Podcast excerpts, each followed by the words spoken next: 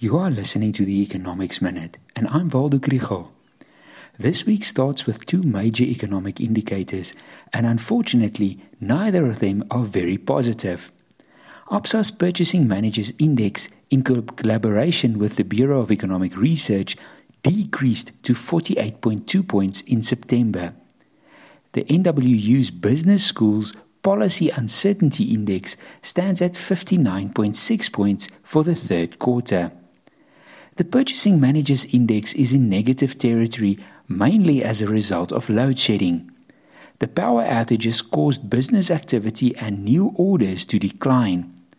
The weakening international environment also meant that export sub indices fell for the fourth month in a row.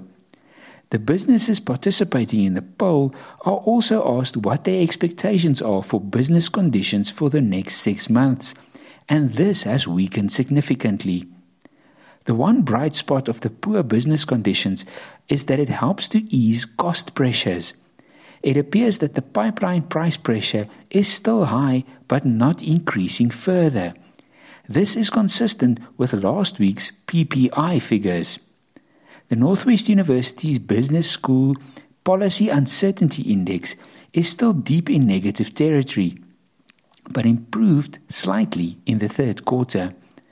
The important factors contributing to uncertainty are the possibility of slower economic growth worldwide, load shedding, rising interest rates, poor project implementation by the government, and political uncertainty in the run up to the ANC's electoral conference in December. Later this month, more data will be released that will give us a better idea of how the economy performed in August and September.